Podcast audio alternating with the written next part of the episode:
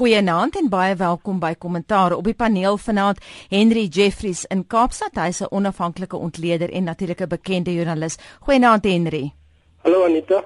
En dan gesels ons met die aangewese redakteur van Rapport Waldemar Pelser. Hy sit by my in die ateljee. Goeienaand Waldemar. Goeienaand Anita. En dan ook met professor Dirk Kotse van Unisa. Hy het geen bekendstelling nodig nie. Hallo Dirk. Goeienaand Anita. Soos gewoonlik gee ons die nuuslys nadat ons gekookus het aan die joernaliste op die paneel. Kom ons kyk wat Waldemar te sê het.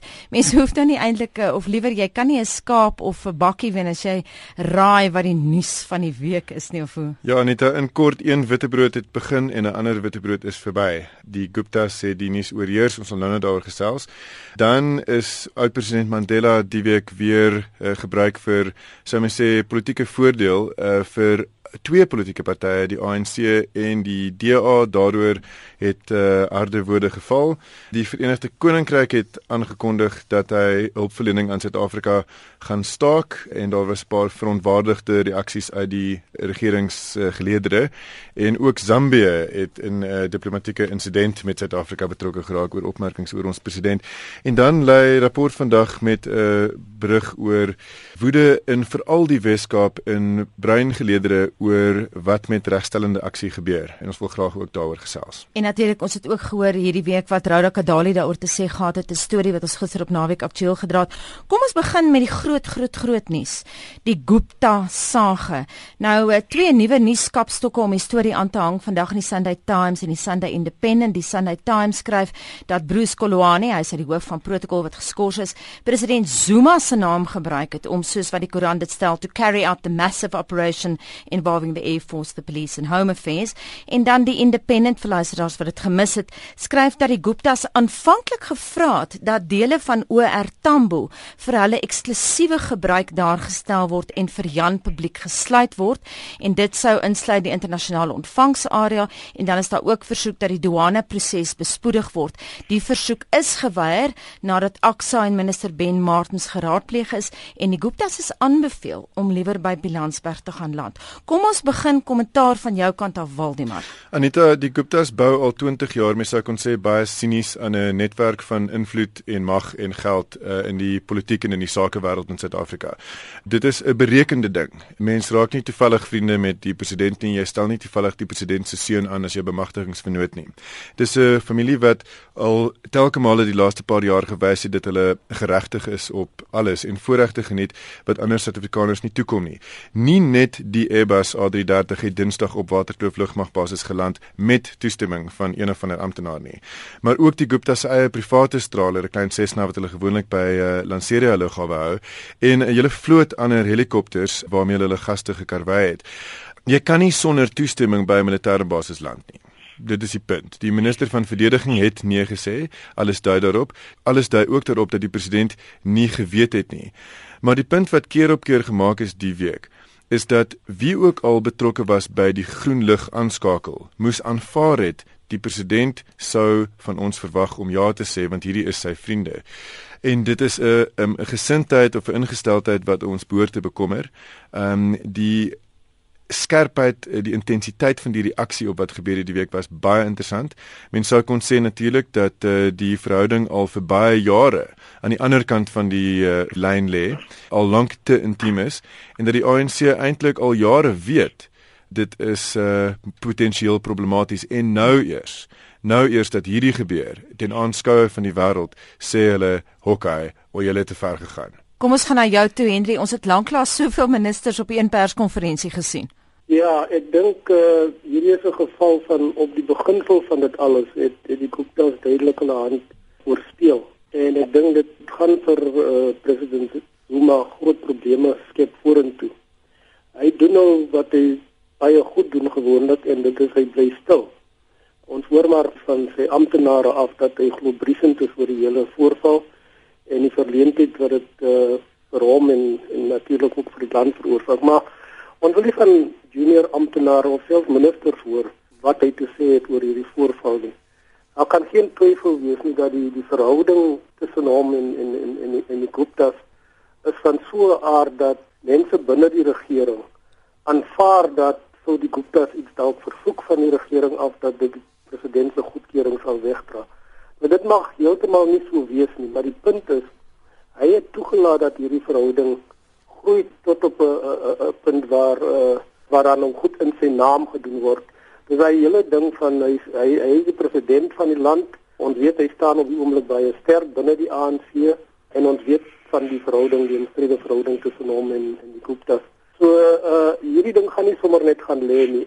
Hoopelik gaan dit vir hom 'n soort van miskien met die Engels maar 'n wake-up call wees. Mm. Dat hy regtig gaan moet kyk na sy verhoudinge met die Guptas en enige ander soort van mense wat uh, wat in 'n verhouding met hom is omdat hulle bepaalde invloede soek en daai invloede wil gebruik om hulle eie sake te bevorder.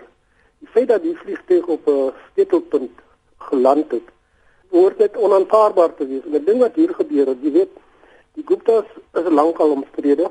Hulle is dit maar met omstrede net. Die goed wat al oor hulle geskryf is en so, ek dink as jy mooi gaan kyk na die beweringe en die beskuldigings wat teen hulle gemaak word, is daar bitter min van wat jy kan sê, okay, hier is dit. Ons sien nou presies waarmee hierdie ouens besig is. Hier het hulle hulle hand oorspeel omdat die Suid-Afrikaanse publiek is woedend en die ANC gaan dit glad nie kan kan ignoreer nie. Dan wil ek net 'n tweede punt maak. Ehm uh, ek weet vir 'n feit dat uh, nie almal in die ANC is gelukkig met die verhouding wat bestaan tussen die president en hierdie familie nie. So daar is mense wat hulle hulle hulle messe uitgehaat het in elk geval wat gewag het vir die oomblik om dit in iemand se rug te steek. Henry, wil jy name noem? Wie ongelukkig is binne die ANC oor die verhouding tussen die Guptas well, en Zuma? Ek moet net kyk wie almal het hierdie week, jy weet hulle sterk uitgelaat oor oor die voorval. Uh Gwedi Mantashe, mm. ek sê nie hy is een van die name nie, maar hy het uitermate sterk gereageer. Mm. Sy Zuma se se se se uitsmyter. Hy is oor wat die president se rug beskerm. Nou mense argumenteer dat dit het te doen daarmee dat hulle die die die die die kritiek van Zuma wil wegdeflekteer. Ek dink dit het te doen met die ongelukkigheid wat daar wat daar binne die ANC is oor die die mate waartoe die die Gupta's veronderstel is om toegang tot die president te hê. Kom ons gee vir Dirk 'n kans. Ons het nou gesels oor Gwedi Mantashe. Dis baie duidelik Dirk dat hy wil hê dat die minister van verdediging se kop rol. Dink jy sy gaan die trekpas kry?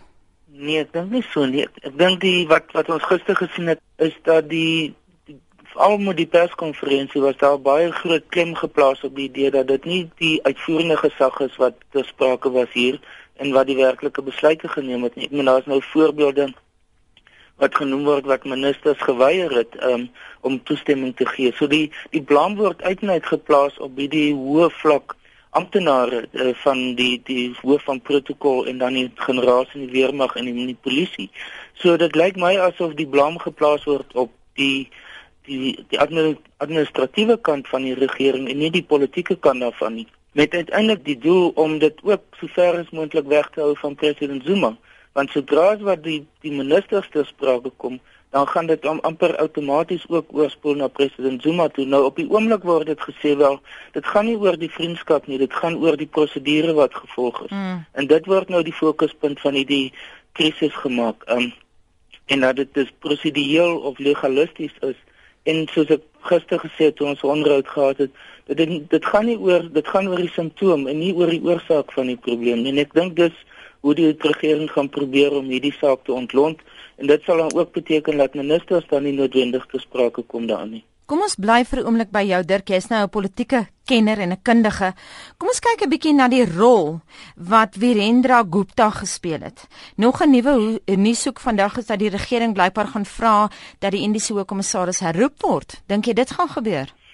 Wel dit dit dit is 'n baie drastiese stap wat dan geneem sal word. Ehm um, die rol wat hy gespeel het op die oog af lyk asof dit gekompliseerd is en hom gekompromiteer het in hierdie situasie. Dit het outomaties die twee regerings in hierdie situasie ingetrek. As hy nie daar was en nie hierdie rol gespeel het nie, sou dit meer van 'n tussen president Zuma en die Guptas gewees het wat die die situasie effens meer hanteerbaar sou gemaak het, maar die feit dat die Indiese regering by implikasie nou betrokke is daarbey, beteken dat dit 'n dat die diplomatieke dimensie daarvan nou baie problematies is.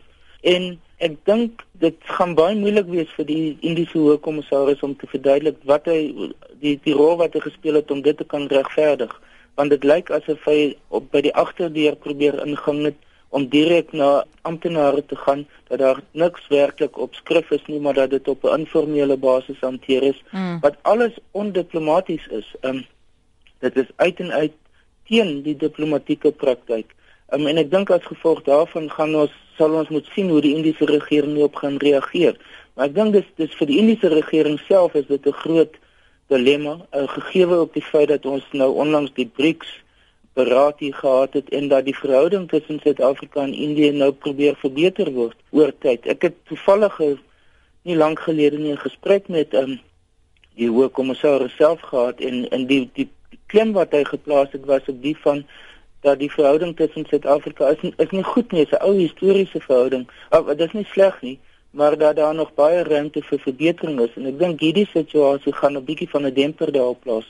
Kom ons kyk 'n bietjie nou hoe die media dit hanteer het en ek moet net vinnig op 'n effe ligter noot Waldie maar die spotprent kunstenaars het al jaar en uh, die stare die storie baie goed gedek van meet af aan en een van hulle spotprente was uh, was daar so 'n bordjie aan die kant met al die gaste wat aankom op die lughawe by Waterkloof en dan is daar so 'n bordjie aan die kant wat sê open for bar mitzvahs weddings etc. Ag Aneta oop oop vir enigiets solank as vir die prys reg is. Uh, uh, nog een van Zapiro se spookprente die week het gewys hoe die pas getroudes ehm um, aankom, jy weet by die troue en die in Suid-Afrika sê en van ons ons geskenk aan julle is 'n land en 'n president.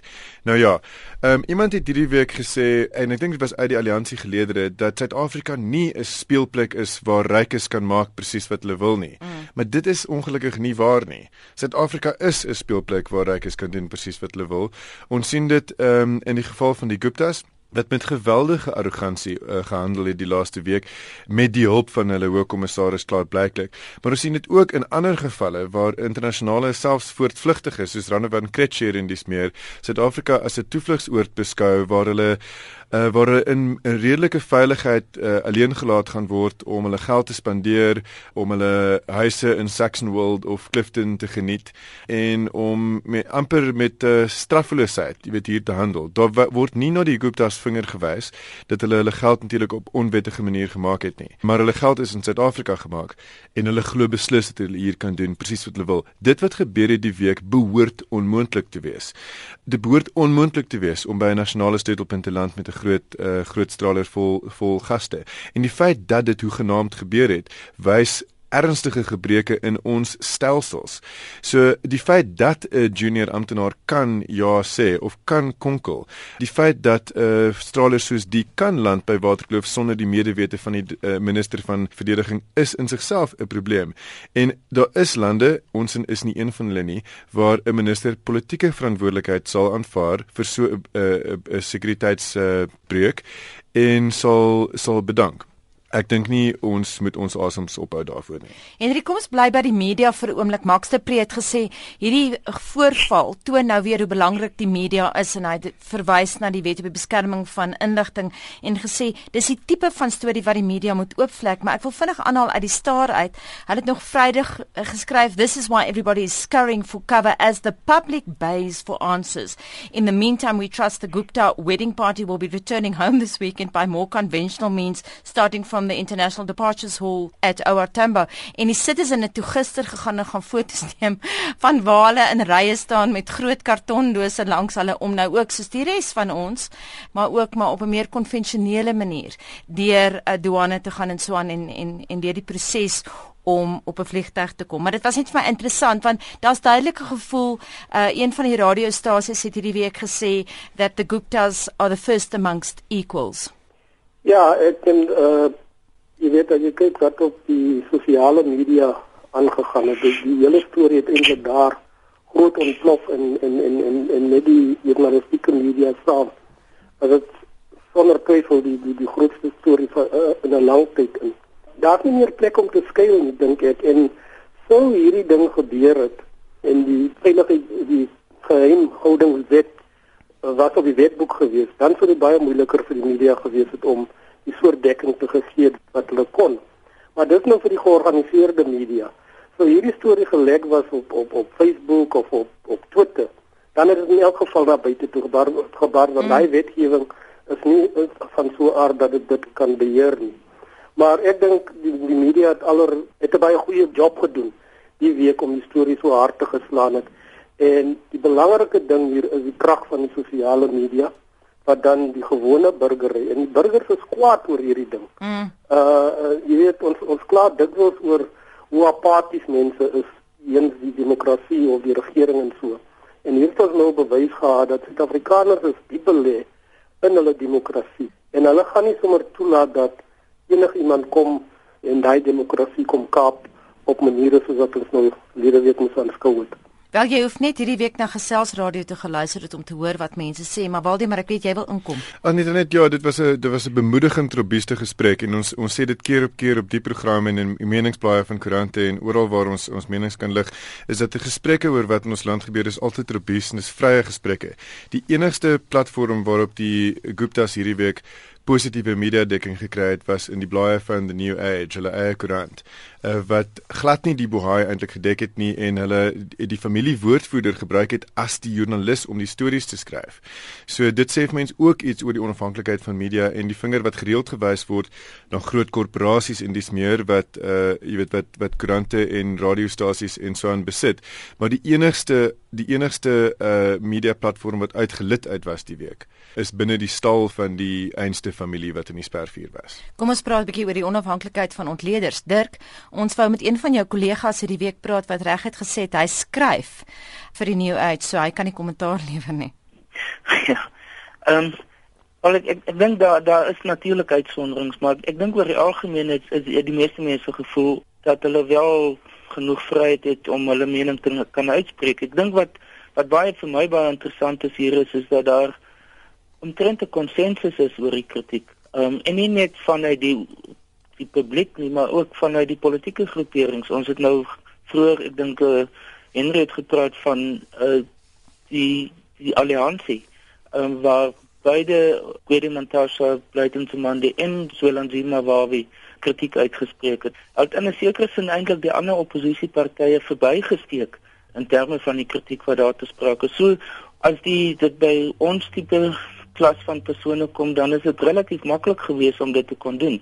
So ek ek sou sê dis meer van die van die uitsondering. Vir my die groot probleem is met die die gesprek is is dat dit baie op die op die prosedurele aspek gekonsentreer het. Wie wat het presies gebeur? Wat was die empiriese situasie geweest?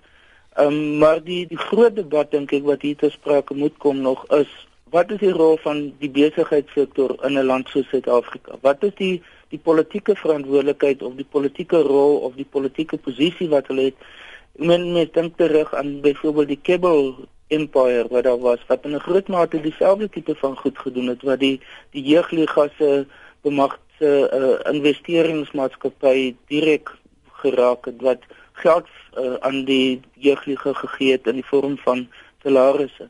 En ek dink dit is die dis, dis die, die debat wat nou met begin plaasvind is wat moet die status van die van die besigheidswêreld wees? Dit lyk asof die besigheidswêreld in die algemeen ongeag Gupta die Gupta familie soms met handskoene hanteer word omdat dit gesien word as die dryfveer vir ontwikkeling en vir ekonomiese groei en daar moet hulle op 'n ander manier hanteer word as die res van die samelewing. En ek dink wat ons hier gesien het is in 'n sekere sin 'n simptoom of 'n uiting van daardie houding wat daar bestaan dat daar uh, dat die besigheidssektor ek probeer glad nie anti-besigheid wees nie, maar hmm die sosiale status van die besigheidswêreld in verhouding tot die regering en tot individuele politici. Dit dink ek is een van die faktore wat nou meer in diepte bespreek moet word. Ook die vraag byvoorbeeld is dit moontlik vir politici en senior amptenare om terselfdertyd besigheidsmense te wees? Ja. Daardie debat het bietjie begin maar hy doodgeloop en ek dink dis iets wat weer te sprake sal moet kom. Dirk uh, Waldemar steek sy hand omtrent op hy sê lus om iets te sê Waldemar. Ek wil vinnig by jou aansluit en sê dat die president het is so onlangs as Januarie nog gesê dat sakelei wat die ANC ondersteun sal floreer. Jy weet hulle hulle hulle besighede sal baie goed doen, hulle winste sal vermeerder en dis 'n dis 'n dis 'n boodskap wat die Guptas lank al gehoor het. Ehm um, en dis inderdaad iets wat mense kan sien uit uh, uit hoe hulle uh, uit hoe goed hulle hier doen en ons skryf in hoofartikel vandag 'n rapport net klein bietjie ondeund dat die ANC hand kruip al baie baie lank op en op onder ewe die Gupta hand kruip al baie lank op en op onder die ANC bloes. Dis nie 'n nuwe ding nie. Dis 'n boodskap wat die ANC verkondig om te sê jy sal geseënd wees as jy ons ondersteun en dis 'n boodskap wat aan die sake wêreld gerig is. Hendrik wil vir jou 'n vraag vra. Dink jy die regte koppe het gerol? Want ons praat nou van skorsing. Ons weet nog nie wat op die langtermyn gaan gebeur nie. Ons het nou gesien dat byvoorbeeld Bruce Kolwane geskort is. Maar het die regte koppe gerol? Gaan die regte koppe rol? Of praat ons maar hier van sondebokke wat die las gaan dra? Dit lyk dit is wat gaan gebeur, maar kyk daar's nou hierdie ondersoek wat deur 'n klomp uh, direkteur-generaal gedoen word. Ek dink uh, die regering het besluit om die situasie te probeer ontlont deur vir die kantlyn te skop met hierdie uh hoofvlak uh, ondersoek na die situasie. En ons gaan maar moet kyk wat daar uitkom. Ek sal baie uh verbaas wees as as hier 'n ministeriële koprol in die hitte van hierdie stryd.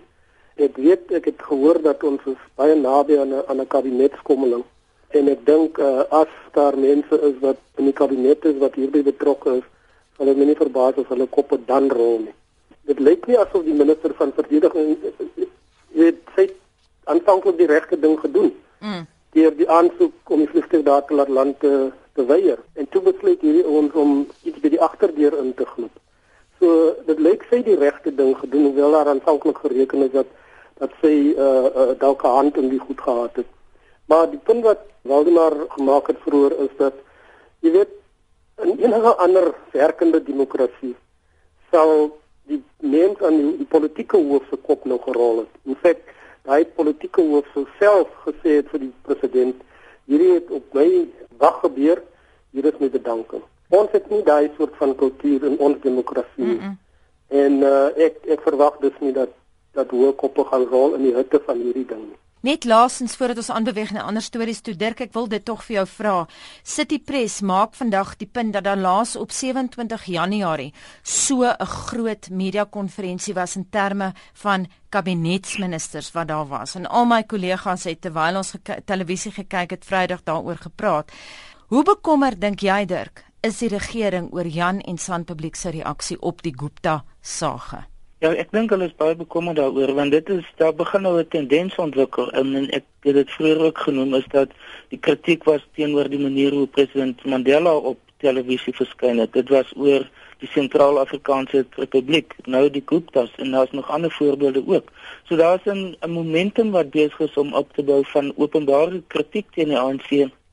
En daardie kritiek kom nie net van van oppositie af nie, maar kom van baie naby die ANC af. So ek dink uit, uit daardie perspektief sien hulle baie groot probleme. Natuurlik is die, die verkiesing ook baie naby. Mm. Dis omtrent 'n jaar van die verkiesing. So almal dink in terme van verkiesings. Die die ander faktor wat ek dink wat hier te sprake is, hoekom daar so sterk teenwoordigheid van ministers was, is dat dit um, omdat dit president Zuma eintlik direk raak, né? Ek maar hulle was daar om hom in 'n groot mate te probeer uit die prentjie uithaal en eintlik namens hom optree. Die feit dat hy nie in die land was nie, was tot sy voordeel geweest, maar terselfdertyd is dit word dit gesien dat hulle namens die regering opgetree het. Vir my die interessante faktor is is dat iemand soos die adjunkt president Motlanthe net nêrens figureer in hierdie mm. situasie nie.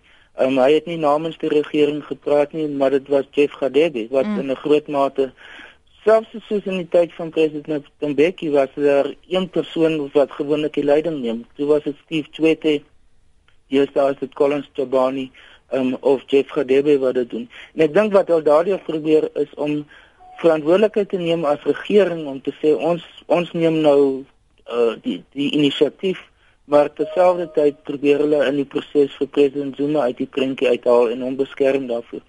Ek dink net laasens moet mense sê dat dit dat ehm um, dat die die groepering wat daar was is hoofsaaklik die die sogenaamde kluster van kabinet van uh, portefeuilles wat te maak het met sekuriteits- en internasionale verhoudingsaspekte. So mm. hulle sal dit uit daardie uit daardie perspektief uit regverdig deur te sê dit was na 'n vergadering van die kluster is dit uh, is dit hulle wat daar verskyn het. Maar dis natuurlik was dit 'n 'n demonstrasie van gekonsolideerdheid binne die regering. Ook in dink ek sal mense kan sê dat daar hulle probeer wys dat daar's eensstemmigheid daar's nie interne verdeeldheid binne die regering oor hierdie saak nie Kom ons beweeg aan. Die departement van korrektiewe dienste was hierdie week in die spervuur oor regstellende aksie en rapport skryf Hitler-agtige suiwering benadeel bruines in die Kaap. Dis hulle hoofstorie vandag. Ons sit nie verniet hier met die aangewese redakteur van rapport nie. Baie vooraanstaande name wat jy gebruik met fotos op die voorblad mense wat kla. Anita die DKD hofsaak uh, uh, is al geruime tyd in die uh, in die nuus en dit was die week in die hof En uh daar is altyd klein klomp klein verwikkelinge en ons het hier in die week net besef ons moet ons vinger in die water druk om die temperatuur te probeer meet. Dis ook iets waaroor baie mense uh uit uh, verskillende agtergronde al gepraat het oor die laaste paar jaar. En ons het toe uh dosyn uh leiers bruin spesifiek bruin gemeenskapsleiers gebel. Mense wat diep spore getrap het in die uh, politiek, ehm um, wat uh, stemme het en wat sterk menings het hieroor. Ook by die regering gaan kers opsteek, Marius Fransman, Tony Ehrenreich, Lynn Brown en dis meer. Maar wat ons aangetref het, ehm um, het uh ons in getref en dit is 'n baie baie skerp stygings in die temperatuur van die woede en verontwaardiging onder baie breinleiers oor hoe regstellende aksie toegepas word in die Weskaap spesifiek in die DKD geval. Maar daar's 'n ander spoor waarop die kommentaar ook loop En dit is dat daar al hoe meer gesê word ehm um, in in in die groep in elk geval met wie ons gesels het, al hierdie stemme en hulle is nie hulle sit nie almal altyd langs dieselfde vuur nie, maar dit is dat regstel aksie weer bekyk moet word. Ehm um, dat daar al hoe meer bruin Suid-Afrikaners is veral in die Wes-Kaap wat voel dat die ANC hulle nie beskou as inheemse Suid-Afrikaners nie, as Suid-Afrikaners wat deel gehad het aan die struggle nie. Dennis Skrywagen skryf in in weekliks vandag 'n rapport dat uh, daar hy voel self asof hy tevrede moet wees met die krummels van die African Masters se tafel. Jy weet hierdie is sterk woorde en hy sê aan die einde van sy meningsstuk dat bruin mense moet kyk na die moontlikheid van 'n party wat net na 'n politieke party wat net na bruin belange omsien. En hierdie is die tipe boodskappe wat alle Suid-Afrikaners behoort te bekommer. Want sodra enigiemand voel dat daar nie vir hulle 'n plek is in die bestel soos wat hy nou bedryf word nie. Ehm um, dan jy weet mik ons in 'n rigting wat uh, wat nie die plan was in elk geval uh, die uitgesproke plan in 1994 nie. Hendrik, kom ons gaan na jou toe. Ons het gister op naweek aktuele storie gedra die voormalige hoof van die Goodwood gevangenis in die Wes-Kaap. Dis nou Johnny Jansen. Hy het ook gesê hy is ook gekant teen 'n plan om na die nasionale rasse-demografie af te dwing, maar baie baie sterk klankgrepe uit daai onderhoud. Ek het nogal gesit en luister en gedink, "Sjoe, dis lanklaas dat iemand iets so sterk gesê gestel het en dit ten spyte van die feit dat bruin Suid-Afrikaners tot 53% van die provinsie se demografiese samestelling verteenwoordig. So daar is woede in die Kaap hieroor. Ja, en, en as jy met mense praat dan onmiddellik word dit uh vertolk as 'n direkte aanval op uh, die bruin gemeenskap wat natuurlik die die, die meerderheid gemeenskap in die Wes-Kaap is. En dit is ook die die provinsie waar die kiesers die oppositie verkies word die die die regerende party. Dit alles as soort van payback vir die feit dat hulle dalk die die die oppositie verkies voor die voor die regerende party. Ek dink, jy weet, 'n klompie jare gelede het ek 'n rubriek geskryf, dis regtig tyd dat ons nou moet kyk na 'n uh, 'n uh, 'n uh, 'n uh, 'n sunset vir die regstellende aksie. En dit het net goed moeilikheid gebring by telle van net binne die die die die ANC damkring. Maar jy weet, verlede week se uitgawe van die Economist fokus eintlik op hierdie hele kwessie wêreldwyd. En hulle maak baie oortuigende argumente oor hoekom regstellende aksie liefs afgeskaf moet word sodat mense weer kan terugkeer na 'n kwessie van van meriete en geleenthede, gelyke geleenthede. Nou ek is 'n voorstander van regstellende aksie gegee ons agtergrond en ons geskiedenis.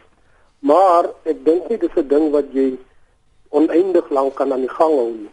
En 20 jaar na die demokrasie is dit tog alles wat net 'n herbesinning om te kyk hoe het ons gevorder, waar het die goed gewerk, waar het dit nie gewerk nie. As Suid-Afrikaanse burgers, ek dink ook hier veral aan die die sogenaamde free bonds, is hulle in 'n situasie waar hulle gelyke behandeling kry. Is hulle eerste klas uh, burgers of is hulle dalk tweede klas burgers as gevolg van die geleenthede wat hulle ontneem word? Ek dink dit is nou tyd dat die ANC regtig besin oor regstellende aksie om te kyk hoe lank moet dit nog aangaan en dalk soos wat Joe Slovo gepraat het met die onderhandelinge daai eh, sonsondergang ding benader. Dirk ons het ook hierdie week van uh, Rhoda Kadali gehoor. Ja, ek ek dink um, wat vandag in die rapport verskyn het is is 'n is 'n barometer van wat 'n wat baie mense in Suid-Afrika voel oor verskillende aspekte van die die beleidspakket wat die ANC op die oomblik gebruik. Want regstellende aksie is wat mense ook nie net in isolasie sien nie. Ek meen dit is in 'n sekere sin kan jy dit koppel aan swart ekonomiese bemagtiging, selfs aan aan grondhervorming en ander aspekte van transformasie wat die ANC ook in gedagte het. En ek dink die die al, al hierdie verskillende aspekte is vanuit 'n ANC oogpunt eintlik heilige koeie. Dis iets wat omtrent onaantastbaar is. Want mm. sodra as wat daar 'n siening moet plaasvind van of regstellende aksie of swart ekonomiese bemagtiging of grondhervorming, dan raak dit in van 'n ANC perspektief raak dit die essensie van waarvoor hulle staan. Ehm um, so ek is my vermoede is dat dit baie baie moeilik gaan wees om die die ANC te oortuig daarvan dat hulle dat daar hersiening van regstellende aksies sal moet plaasvind omdat hulle outomaties dan reaksie gaan kry of kritiek gaan kry veral van die linkerkant van byvoorbeeld die vakbonde uh, van Kusatu maar ook van verder links soos byvoorbeeld Asapo die PAC en ander groeperings. En ek dink dis wat die ANC probeer verhoed is dat hulle gesien word as dat hulle begin na die middel beweeg dat hulle meer in uit hulle uit perspektief uit kompromie aangaan met ander belange binne Suid-Afrika en dat hulle nie meer getrou is aan wat hulle beskou as hulle oorspronklike mandaat of hulle oorspronklike missie van radikale veranderings in Suid-Afrika nie. So uit daardie perspektief dink ek gaan dit um, gaan dit moeilik wees, maar die ANC het 'n prys betaal, veral in die Weskaap. Ek meen dit is miskien 'n oorsimplistiese interpretasie, maar een van my maniere om te verstaan wat in 2009 in die Weskaap gebeur het in die groot skuif van die ANC na na die DA toe is presies as gevolg van die effek van regstellende aksie in die Kaap. Mhm. Mm ons gaan nie tyd hê om by alle stories uit te kom nie. Ons weet die Britte het aangekondig dat hulle hulp aan Suid-Afrika gaan sny van 2015 af. Ons gaan nie daarby uitkom nie. Kom ons kyk gou-gou na wat Guy Scott gesê het. Hy is die adjunkpresident van Zambië. Baie baie sterk woorde en kritiek gehad op Suid-Afrikaners.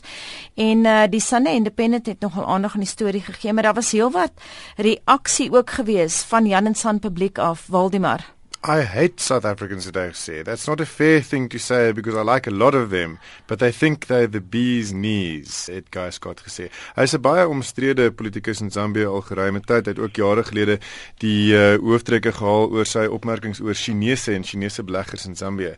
Ek dink dit het 'n 'n 'n rou senupuntjie aangeraak in Suid-Afrika wat baie bewus is van sy rol, die rol wat hy graag wil speel in Afrika as 'n vriendelike hegemoon.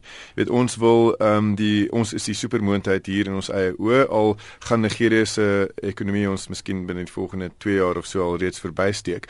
En ons is baie baie sensitief vir kritiek. En ek dink veral, jy weet, van hierdie wit adjunk president van Zambië is ons uh, hypersensitief vir kritiek. En baie van die kritiek was nogal persoonlik gemik op president Zuma.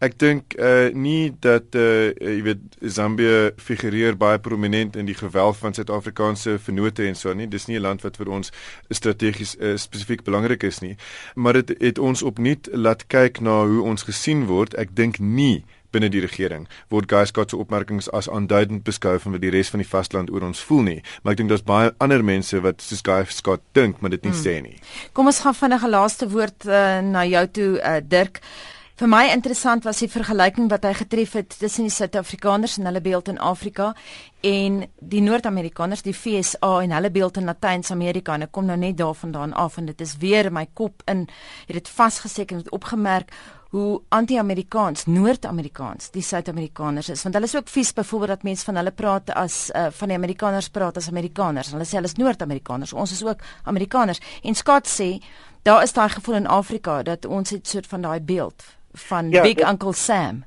Ja, nee, die die vergelyking met Amerika dink ek is 'n baie gepaste een om die die uh die uitsprake van Guy Scott te probeer verstaan of die of die konteks daarvan te verstaan.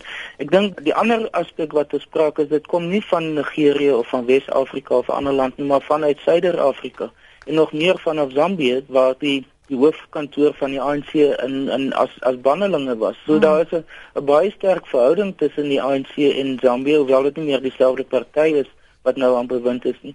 Maar ek dink komende daarvandaan is dit miskien iets wat nog meer aan die aan die ANC raak as wanneer dit kritiek van van verder was.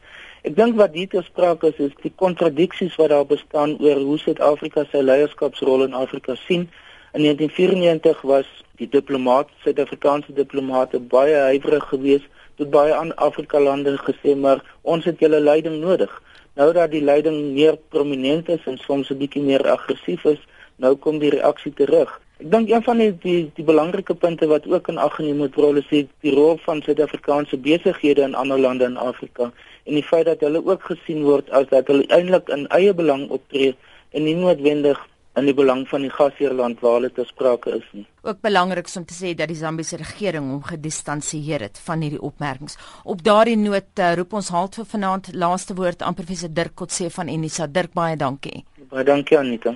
En baie dankie aan Henry Jeffries in Kaapstad. Hy is 'n uh, onafhanklike joernalis en politieke kommentator. Baie dankie vir jou insette Henry.